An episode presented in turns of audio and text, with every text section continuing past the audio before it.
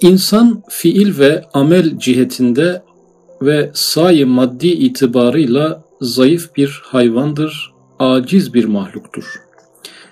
Yani Üstad Hazretleri 23. söz boyunca çok sık bir şekilde hayvanla insanı kıyasladı.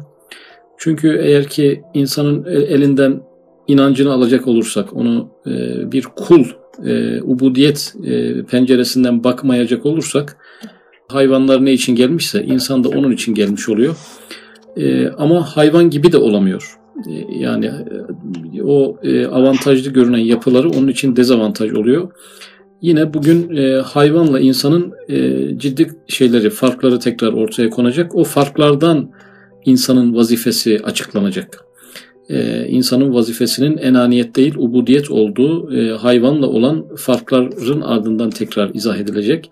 Burada amel ve fiil ciheti yani e, insanın gücüne, kuvvetine, e, yaptığı fiillere, fiillerdeki başarısına bakalım. Hayvanlardan e, herhalde en alt, en alt kategoride gelir. Yani tavuklar yumurtalarını güzel yapıyor, arılar ballarını güzel yapıyor. İnsan ürünleri e, kusurlu. Yani kalite bakımından hayvan ürünlerini tutturamıyor. E, güç bakımından da insandan çok güçlü hayvanlar var. İşte bir öküz bile, bir arslan bile, e, bir kaplan bile, bir e, timsah bile e, kuvvet bakımından oldukça kuvvetli. Yani kuvvet sıralamasında en üstte değil, altlara yerleştirmemiz gerekir. E, ürün üretim bakımından da en altlara yerleştirmemiz gerekir. Yani hayvanlar kategorisine alacak olursak e, bir e, sineğin e, kendi eylemleri bile çok daha kaliteli e, duruma geçiyor. Onun o cihetteki yani bu fiil ve eylem cihetindeki daire-i tasarrufatı ve malikiyeti o kadar dardır ki elini uzatsa ona yetişebilir. Yani daire-i tasarrufatı ve malikiyeti sahip olduğu şeyler e, o kadar dardır ki elinin uzatabildiği yere kadardır. E, diyeceksiniz ki ya insan elini uzatamadığı yerlerde de sahip olduğu şeyler var. Yani adamın 10 tane villası var ama eli uzanmıyor. Yani bir metreden daha uzak. Onlar o adamın değil mi? Değil. E, bunlar hepsi izafi malikiyetler. Kağıt üzerindeki malikiyetler. E, insanın yiyemediği yemekleri onun e, yemekleri sayamayız. Rızkı say- sayamayız. İnsan aynı anda 10 evde yaşayamıyorsa, e, onun da birden yaşayamıyorsa 10 tane evi var diyemeyiz. E, dolayısıyla bu bizim mülkiyet zannettiğimiz şeylerin çoğusu izafi, psikolojik mülkiyetlerdir. Hakiki mülkiyetler değildir. Yani 10 tane gömleğiniz bile olsa insan 10 gömlek giyerek evden çıkamaz. Bir gömlek giyerek evden çıkabilir. Herkesin bir gömleği vardır. Zenginler de bir gömlek giyer, fakirler de bir gömlek giyer. Burada insanın sermayesi geniştir diyemiyoruz yani.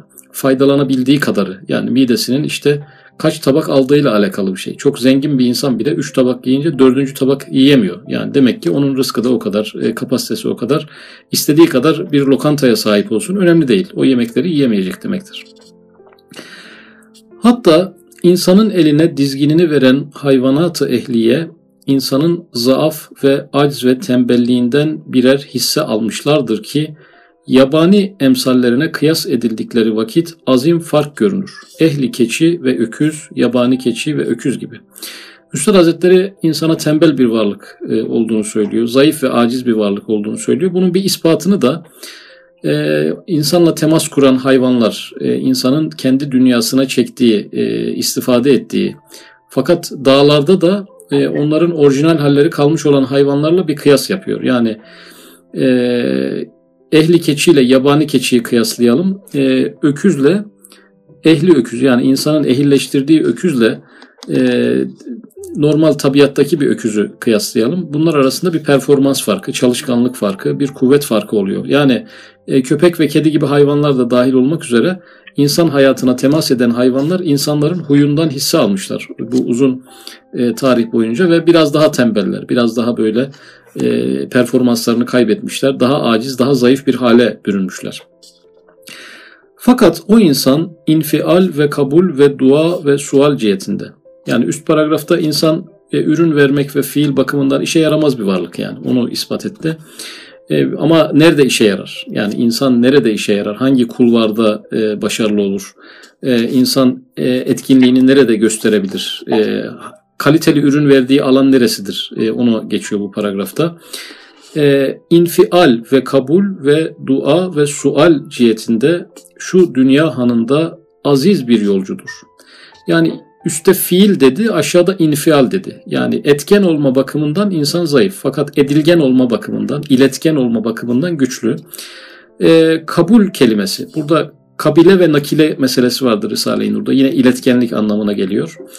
E, dua ve sual yani insanın istekleri, e, talepleri, yalvarışları, yakarışları bakımından diğer hayvanlardan çok üstün yani. İnsan öyle bir dua yapar ki bu cümle bu ağızdan nasıl çıktı? Yani bu cümle nasıl kurulabildi? Belki gelmiş geçmiş bütün müminler arasında hiç kurulmamış bir dua cümlesini bir mümin kurabiliyor yani. Cenab-ı Hak'tan bir şey isterken, ona bir takım cümleler sarf ederken e, onu takdis ve tenzih ederken öyle şeyler söylüyor ki yani bunu hiçbir varlığın yapamayacağı şekilde yapıyor. Melekleri şaşırtacak şekilde yapabiliyor. E, dolayısıyla insanın performans alabileceği e, alan bu. Çünkü bu sebeple yaratıldığı için en iyi verimi de oralarda alabiliyor. Burada aziz oluyor. Üste zelil oluyordu. Burada aziz oluyor. Ve öyle bir kerime misafir olmuş ki nihayetsiz rahmet hazinelerini ona açmış. İnsan demek ki misafirlik özelliğiyle e, etken. E, yani dünyada mukim e, gözüyle baktığımızda hiçbir işe yaramıyor yani. Ve hiçbir anlamı yok. E, gerçekten e, var olan son hayatı dünya hayatıysa dünyayı e, insanı bu bakımdan incelersek, ahireti olmayan biyolojik bir varlık olarak incelersek hiçbir anlamı yok yani. İnsan niye yaşıyor, niye çalışıyor, niye yuva kuruyor her şey anlamsız. Ama e, misafir gözüyle bakılınca insana bir anlam yüklenebiliyor. Ha güzel dünyada bu varlık güzel yakıştı şu an diyebildiğimiz şey ona misafir gözüyle bakınca oluyor. Ve hadsiz bedi masnuatını ve hizmetkarlarını ona musahhar etmiş. Cenab-ı Hak sanatlarını ve büyük sistemleri insana e, hizmetkar kılmış. Ve o misafirin tenezzühüne ve temaşasına ve istifadesine öyle büyük bir daire açıp müheyya etmiştir ki o dairenin nısfı kutru yani merkezden muhit hattına kadar gözün kestiği miktar belki hayalin gittiği yere kadar geniştir ve uzundur.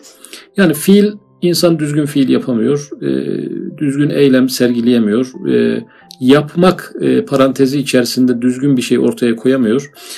Fakat burada insana hizmetkar kılınan şeyler konusunda insan çok başarılı. Öyle bir acziyeti var ki güneş ona musahhar kılınmış. Yeryüzünün dönüşü ona musahhar kılınmış. Yeryüzündeki bütün nimetler onun açlığını doyurmak üzere, ihtiyaçlarını gidermek üzere musahhar kılınmış. E, yapma varlığı olarak insan başarısız. Fakat kendisine bir şey yapılma varlığı olarak başarılı. Yani kendisine bir şey sunulma, ikram edilme varlığı olarak tabiatta hiç kimseye bu kadar şey ikram edilmemiş. Hiçbir varlığa bu kadar şey musahhar ve hizmetkar kılınmamış. Yani insan ağırlanmaya yarayan bir varlık. Yani ağırlanan bir varlık olunca anlamlı. Ağırlayan bir varlık olduğu zaman anlamsız. Ee, üreten bir varlık olma bakımından en alt segmentlerde. Fakat kendisi için bir şeyler üretilen bir varlık e, gözüyle bakınca da en üst segmentte görünüyor. İşte eğer insan enaniyetine istinad edip hayatı dünyeviyeyi gayeyi hayal ederek derdi maişet içinde muvakkat bazı lezzetler için çalışsa gayet dar bir daire içinde boğulur gider.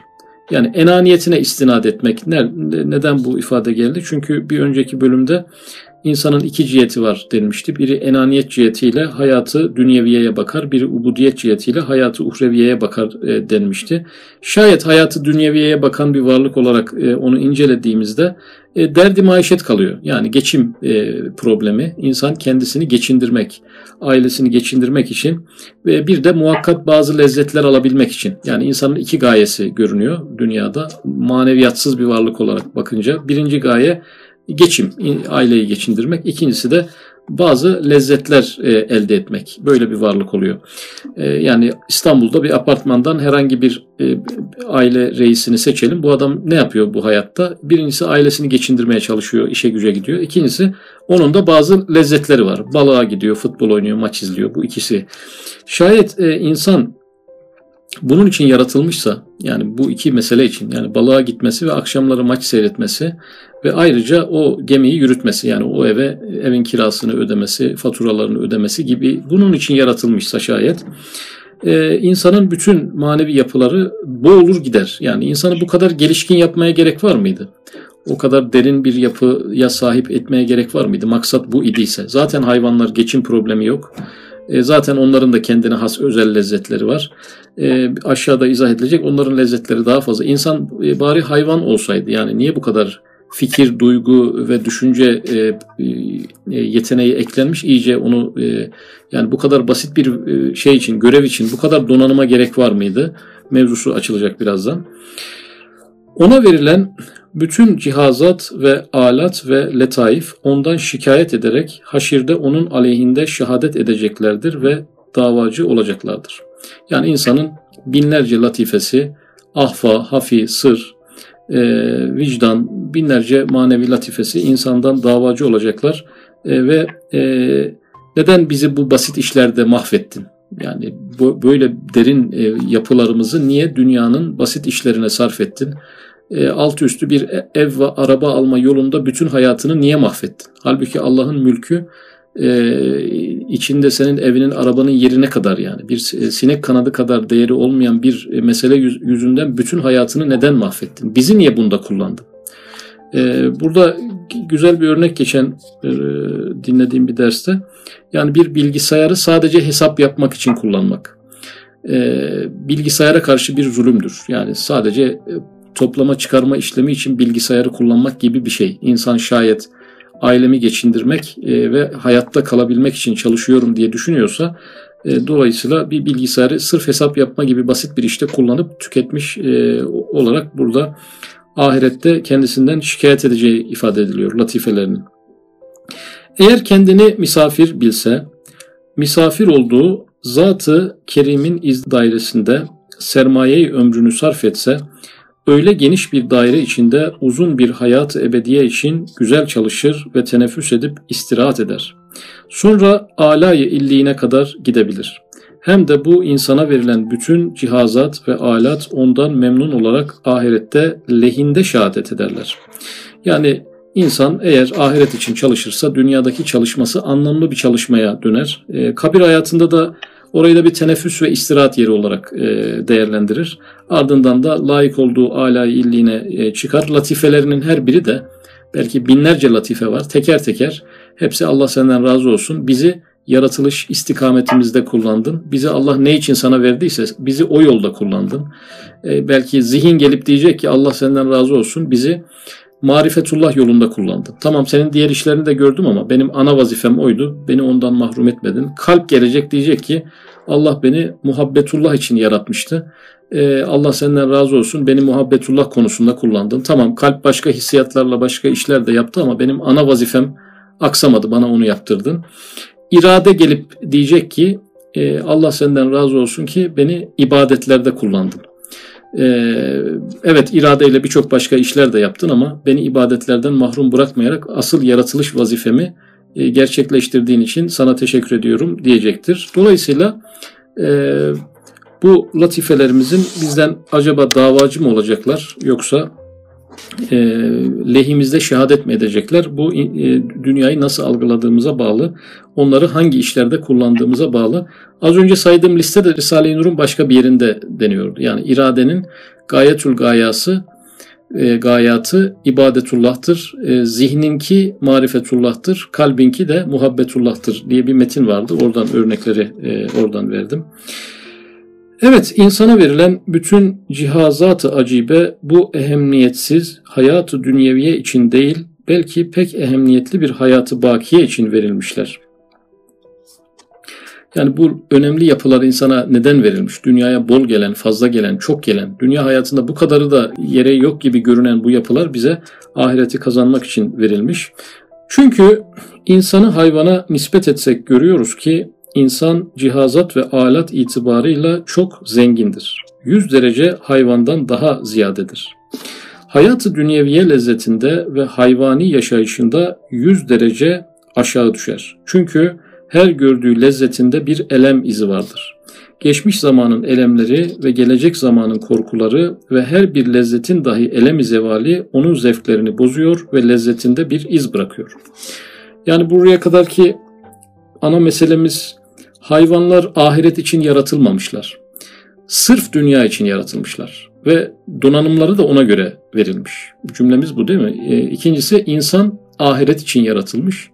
O yüzden ahirete yönelik e, donanımlar verilmiş ve dünya sırf dünya için yaratılmış diye bakınca donanımları abartılı görünüyor yani. Bu, bu bunlar burası için verilmiş olamaz denilen e, donanımlarla karşı karşıyayız. Burada lezzetleri ele aldık. Yani insan bir lezzet aldığı zaman ne ekleniyor? Bir, geçmiş zamanın elemleri geliyor. Tam biz o lezzeti alacakken o geliyor bir kere. E, yetmiyormuş gibi gelecek zamanın korkuları geliyor.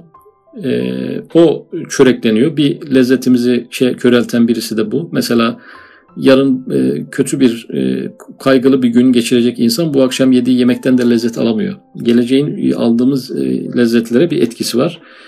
Üç, her bir lezzetin dahi elemi zevali. Bir de o lezzetin birazdan bitip yitecek, bir daha da geri gelmeyecek olmasından kaynaklı bir kendi içinde bir elemi var. Üç tane elem. Hayvanda bunlar yok. Yani e, hayvan gibi yutmaya gelmiş olsaydık bari yutunca lezzet alacak bir performansta yaratılırdık. Yediklerimizden lezzet alacak.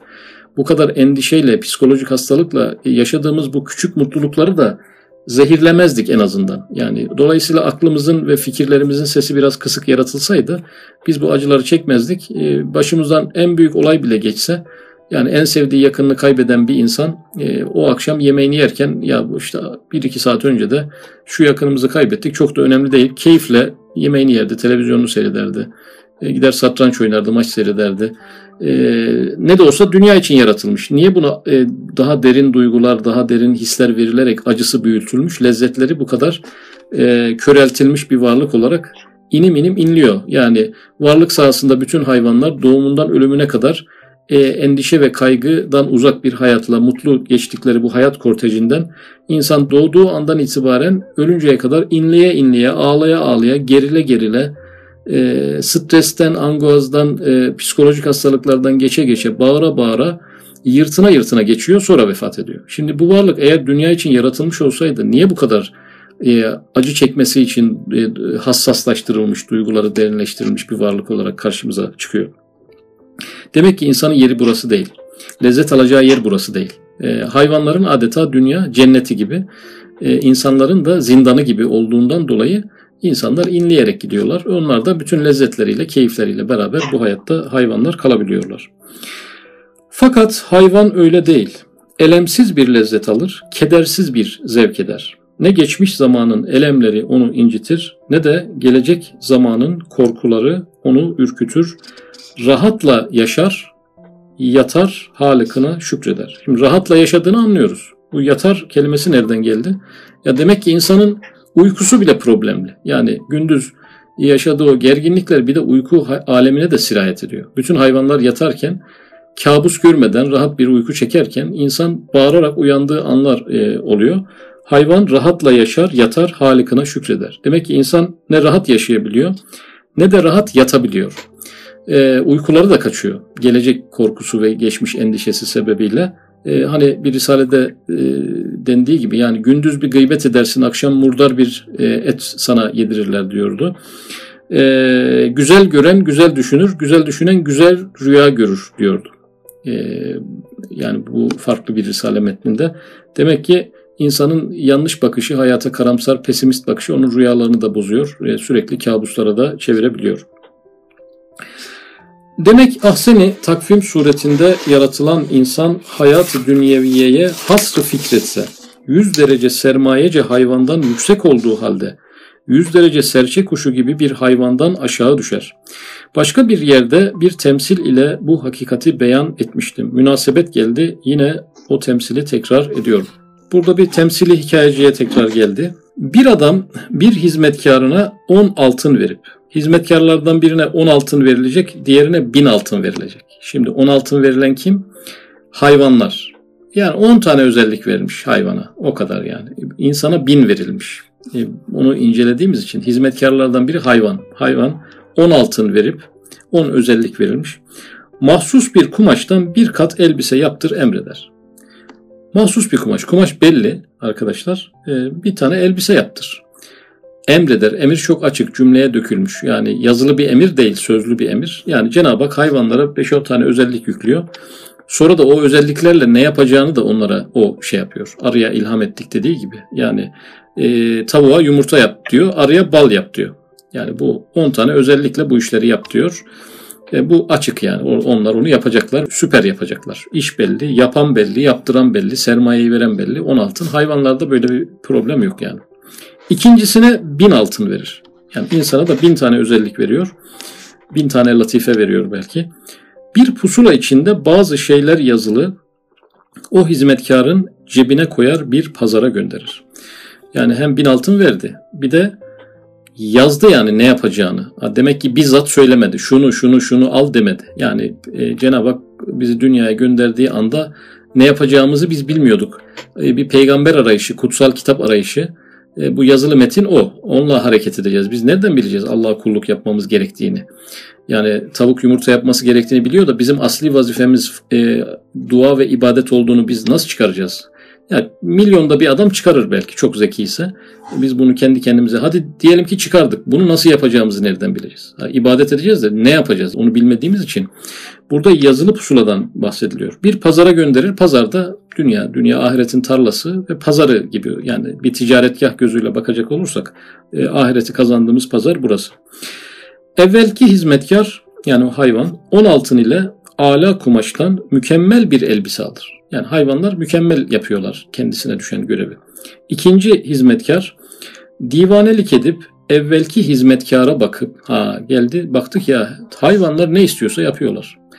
E, bunlar bir şekilde canı ne istiyorsa biz de öyle yaşayalım diye insan dünyada böyle bir yanılgıya kapılabiliyor yani. Ama Üstad Hazretleri Risale-i Nur'un birçok yerinde hayvan gibi de olamazsın diyor. Hiç özenme diyor. Hani geçmiş korkulardan, gelecek endişelerden hayvanlar kurtulmuş. Ben de onun gibi olacağım diyorsun ama olamazsın deyip anlattığı paragraflar var. Ee, cebine konulan hesap pusulasını okumayarak bir dükkancıya bin altın vererek bir kat elbise istedi. Yani insan o bin tane yeteneğini e, dünyaya sarf etmek istedi. Yani hırsını, inadını, endişeyi, istikbalini, latifelerini, iradesini, zihnini, kalbini ben yani bu dünyayı başaracağım. Dünyada işte ne yapacağım? Önce üniversite mezunu olacağım, sonra zengin olacağım, ciddi bir kariyer sahibi, şöhret sahibi olacağım. Böyle bütün o yapılarını hırslı bir şekilde dünyaya sarf etmeye başladı. E, bir kat yani hayvan ne elde ettiyse o da onu elde etmek istiyor. Hayvan neticede hemen bir ürün verdi. Bu adam da ben 70 yaşına kadar dünyada şöhret sonra da kendi ürünümü vereceğim. Eserlerimi vermeye başlayacağım. Benden sonra benden bahsetsinler. Heykelimi yapsınlar. E, hayvan da bir ürün verdi. Adam da işte bir şeyler yaptı. Nobel'lik bir iş, iş çıkardı. Bir takım ürünler ortaya koydu diyelim yani.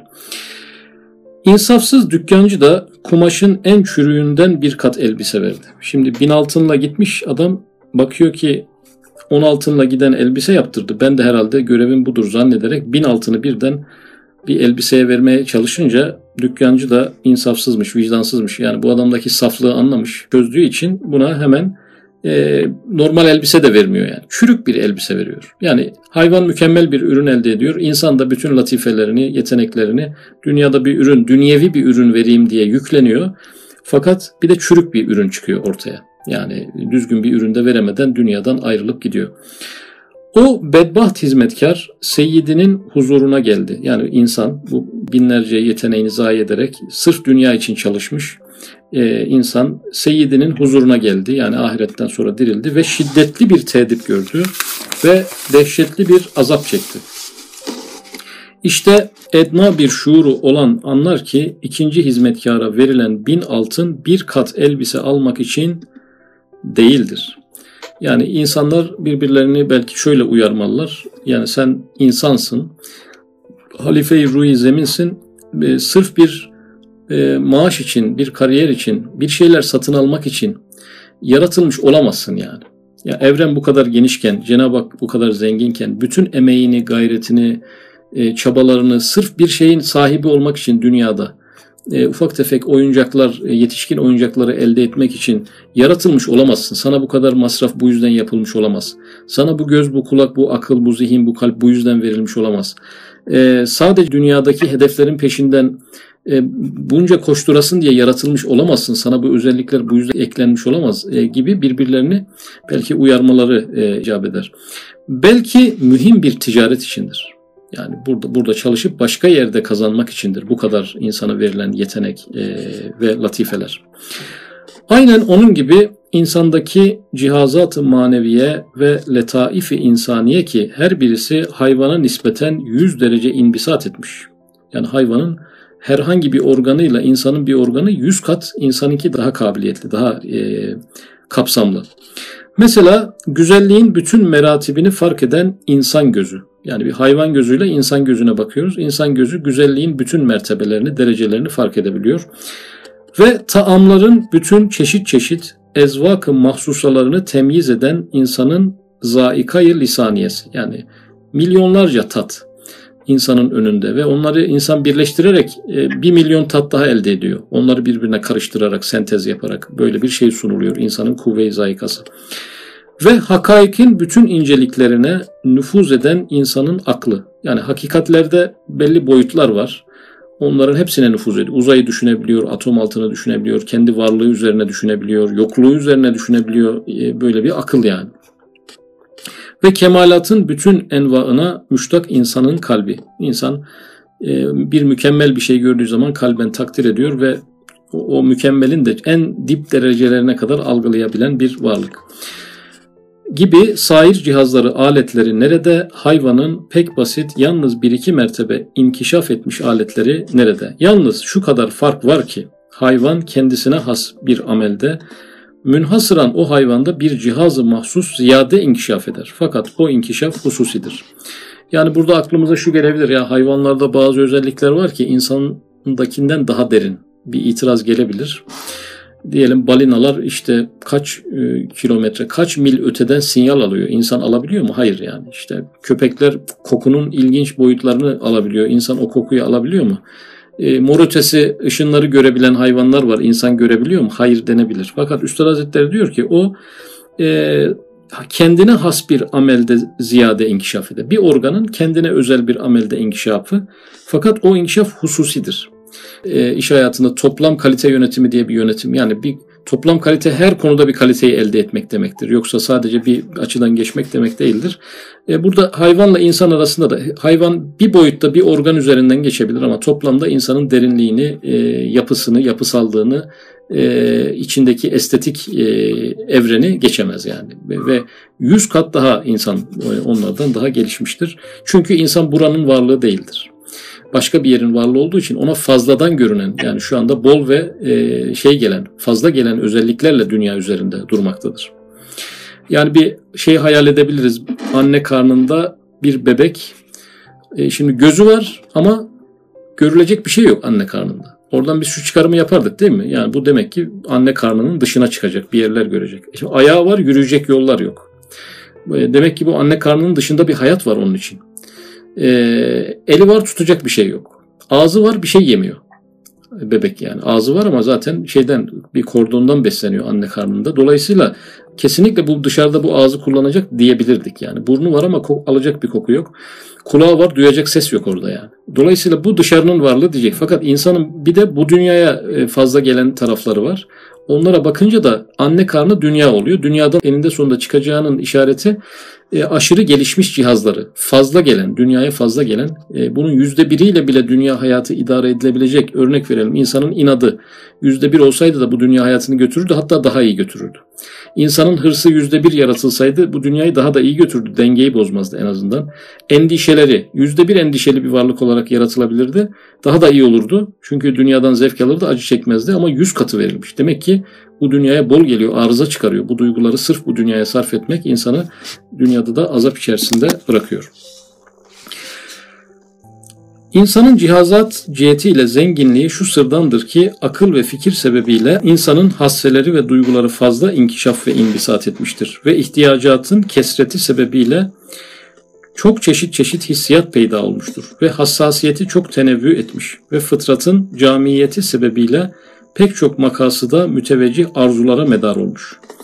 Ve pek çok vazife-i fıtriyesi bulunduğu sebebiyle alat ve cihazatı ziyade inbisat etmiştir ve ibadatın bütün envaına müstahit bir fıtratta yaratıldığı için bütün kemalatın tohumlarına cami bir istidat verilmiştir.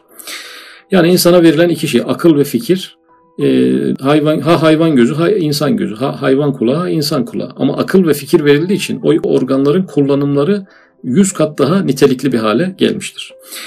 İşte şu derece cihazatça zenginlik ve sermayece kesret yani bin altın. İnsana niye bin altın verilmiş? Bir kat elbise için verilmiş olamaz. Biz bu altınları güncelleyelim. Ee, yani altın her zaman değerli, halen değerini koruyor. Ama yani metni bugün anlamamız için yani bir e, çalışana milyon dolar veriliyor. E, o da gidiyor pazardan bir elbise bir milyon doların da tamamını vermeye çalışıyor elbise karşılığında. Mağazacı da onu da en kötü elbiseyi veriyor. Madem sen bu hatayı yapıyorsun e, dalga geçmiş oluyor haliyle.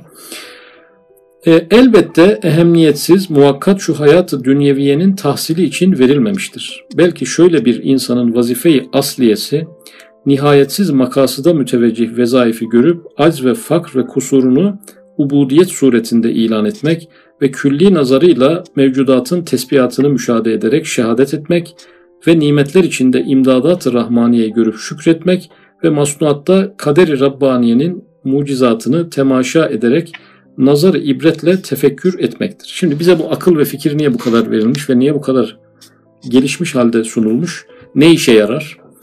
Ee, bize azap çektiren bu aletler, Üstad Hazretleri akıl bir azap aleti olur diyor ahiret olmazsa.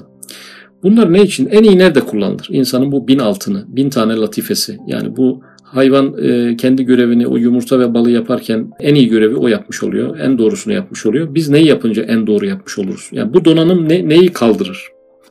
İnsandaki bu derinlik neye yakışır yani? Ne yapınca ha oldu ya bu da e, arının bal yapması kadar isabetli tavuğun yumurta yapması kadar isabetli. insandaki bu derinlik zaten olsa olsa bu işe yarardı e, denince aklımıza karşımıza dört şey çıkardı bu paragrafta. Birincisi ubudiyetmiş yani. Aciz, fakr ve kusurunu yani ibadet etmek. Yani bu duygularla ancak ibadet edilir yani. ibadete yarar insanın bu özellikleri, bu özellikler. E, diğeri e, mahlukatın tesbihatını müşahede, şahitlik. İkinci insanın ikinci vazifesi şahitlik. Yani bir şey üretmesini beklemiyor insandan Cenab-ı Hak. Yani bekliyor da yani diğer hayvanlar gibi beklemiyor. Şahit olmayı yani tefekkür edilecek o kadar çok şey var ki. Üçüncüsü şükretmek. Yani hayvanlar e, evet onların lezzetleri fıtri şükür ama insandan beklediği şuurlu e, şükür bekleniyor.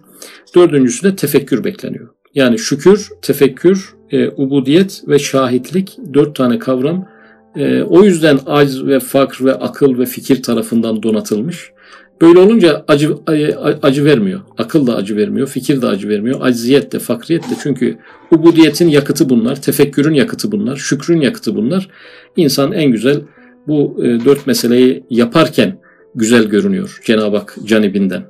E, yüklenen programları yerine getirmiş oluyor. E, bin altını e, bir kat elbiseye böyle yapınca vermemiş e, oluyor.